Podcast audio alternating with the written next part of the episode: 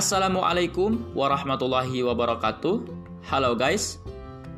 Pada kesempatan kali ini saya akan membahas salah satu kerajaan yang berada di benua Afrika. Pasti pada penasaran kan? Ya pasti dong. Sebelum kita masuk ke pembahasan, kita tunggu dulu segmen yang satu ini.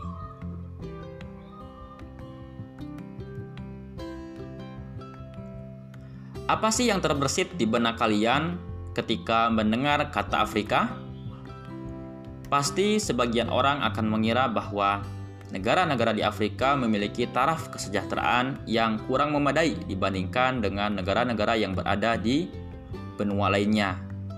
Namun, siapa sangka dalam sejarahnya, negara-negara yang berada di Afrika ini memiliki taraf kesejahteraan dan perekonomian yang sangat memadai Nah, ini ada hubungannya nih dengan salah satu kerajaan yang akan saya bahas pada kesempatan kali ini. Ya. Kerajaan yang akan saya bahas pada kesempatan kali ini yaitu sebuah kerajaan besar atau kekaisaran yang terletak di wilayah barat Afrika yaitu Kekaisaran Ghana.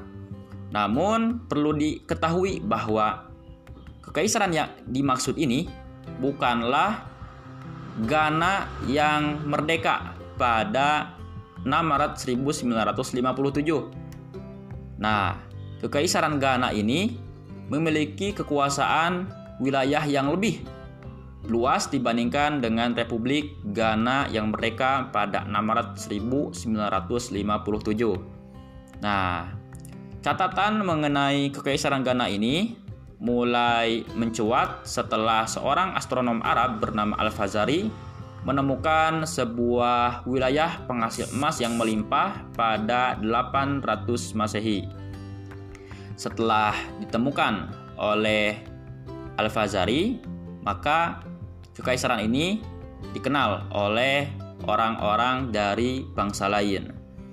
Nah, sebetulnya kekaisaran Ghana ini sudah eksis sebelum ditemukan oleh Al-Fazari. Namun catatannya mulai muncul setelah Al-Fazari menemukan wilayah yang disebut sebagai penghasil emas yang melimpah itu.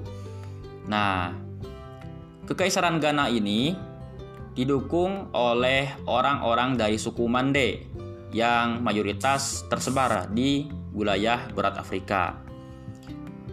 Pada perkembangannya, kekaisaran Ghana ini tidak memiliki ibu kota yang permanen. Nah, ketika memasuki abad ke-11 baru Kekaisaran Ghana ini memiliki ibu kota secara definitif yaitu di Kumbi Saleh. Nah, pada perkembangannya Kumbi Saleh ini merupakan pusat perdagangan bagi orang-orang Arab, Afrika, bahkan dari Asia. Mereka datang dan berkumpul di Kumbi Saleh yang mana adalah ibu kota Kekaisaran Ghana. Kekaisaran Ghana mencapai puncak kejayaannya di bawah Raja Al-Yakubi. Pada masanya, Kekaisaran Ghana ini menjadi penghasil emas yang melimpah.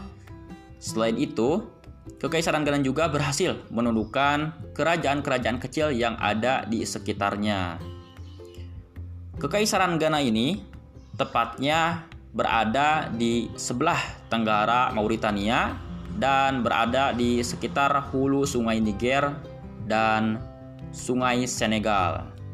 Nah, Kekaisaran Ghana ini mencapai luas wilayahnya pada Kekaisaran Al-Yakubi. Kekaisaran Ghana sebagai sebuah negara besar yang juga merupakan penghasil komoditas emas terbesar memiliki salah satu kekurangan. Nah, kekurangannya itu adalah mereka tidak memiliki komoditas garam yang melimpah.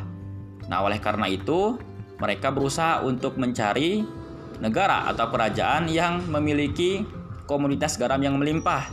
Dan mereka temukan itu di wilayah utara Afrika. Sebagai akibat daripada itu, Nah, orang-orang yang ada di wilayah barat Afrika ini menjalin sebuah jaringan perdagangan dengan orang-orang yang berada di wilayah Afrika Utara. Nah, karena kebetulan wilayah Afrika Utara juga adalah wilayah yang miskin terhadap komoditas emas, namun mereka ini kaya memiliki komoditas garam. Nah, sebaliknya, orang-orang yang berada di Afrika Barat ini mereka memiliki komoditas emas yang melimpah namun miskin dengan garam. Oleh karena itu terbentuklah sebuah jaringan dagang yang melibatkan antara wilayah Barat Afrika dengan Utara Afrika. Nah, sehingga disebut dengan jaringan Sahara Triangle Trade atau jaringan segitiga perdagangan Sahara. Nah, pada waktu itu Ghana berperan aktif karena menjadi sebuah negara penghasil komoditas emas terbesar di wilayah barat Afrika. Selain itu juga, Ghana ini meraup keuntungan dengan meraup pajak dari karavan-karavan yang melewati wilayah Trans-Sahara. Nah, pada perkembangannya kekaisaran Ghana ini hampir hancur ketika muncul sebuah dinasti di Maroko yaitu dinasti Al-Murabitun atau dalam bahasa baratnya dikenal dengan dinasti Al-Murafid pada abad ke-11. Namun pada kenyataannya kekaisaran Ghana ini masih bisa bertahan dari abad ke-11 dan kekaisaran Ghana ini benar-benar mengalami kehancuran ketika Raja Sousou ini melakukan ekspansi ke wilayah barat Afrika, salah satunya ke Kekaisaran Ghana. Nah, maka pada 1240 berakhirlah riwayat dari Kekaisaran Ghana ini sebagai negara yang dulunya dikenal sebagai negara penghasil emas terbesar pada akhirnya mengalami kehancuran ketika diinvasi oleh Raja Sausau. Jadi begitulah riwayat mengenai salah satu kerajaan yang berada di benua Afrika. Kerajaan ini pada dahulunya dikenal sebagai kerajaan yang besar yang menguasai wilayah barat Afrika ya salah satunya adalah wilayah yang hari ini menjadi Republik Ghana. Dan di samping itu, kerajaan ini adalah kerajaan yang kaya dan dikenal sebagai penghasil komunitas emas terbesar pada masanya. Nah, jadi dahulu Afrika memiliki sejarah yang gilang gemilang, guys. Oleh karena itu, Semoga konten yang saya buat pada kali ini bisa menambah wawasan dan juga bermanfaat bagi pemirsa di rumah. Nah, mungkin demikian yang bisa saya sampaikan. Mohon maaf atas segala kekurangannya. Saya tutup dengan bilahi taufik hidayah. Assalamualaikum warahmatullahi wabarakatuh. Sampai jumpa di konten yang lainnya, guys.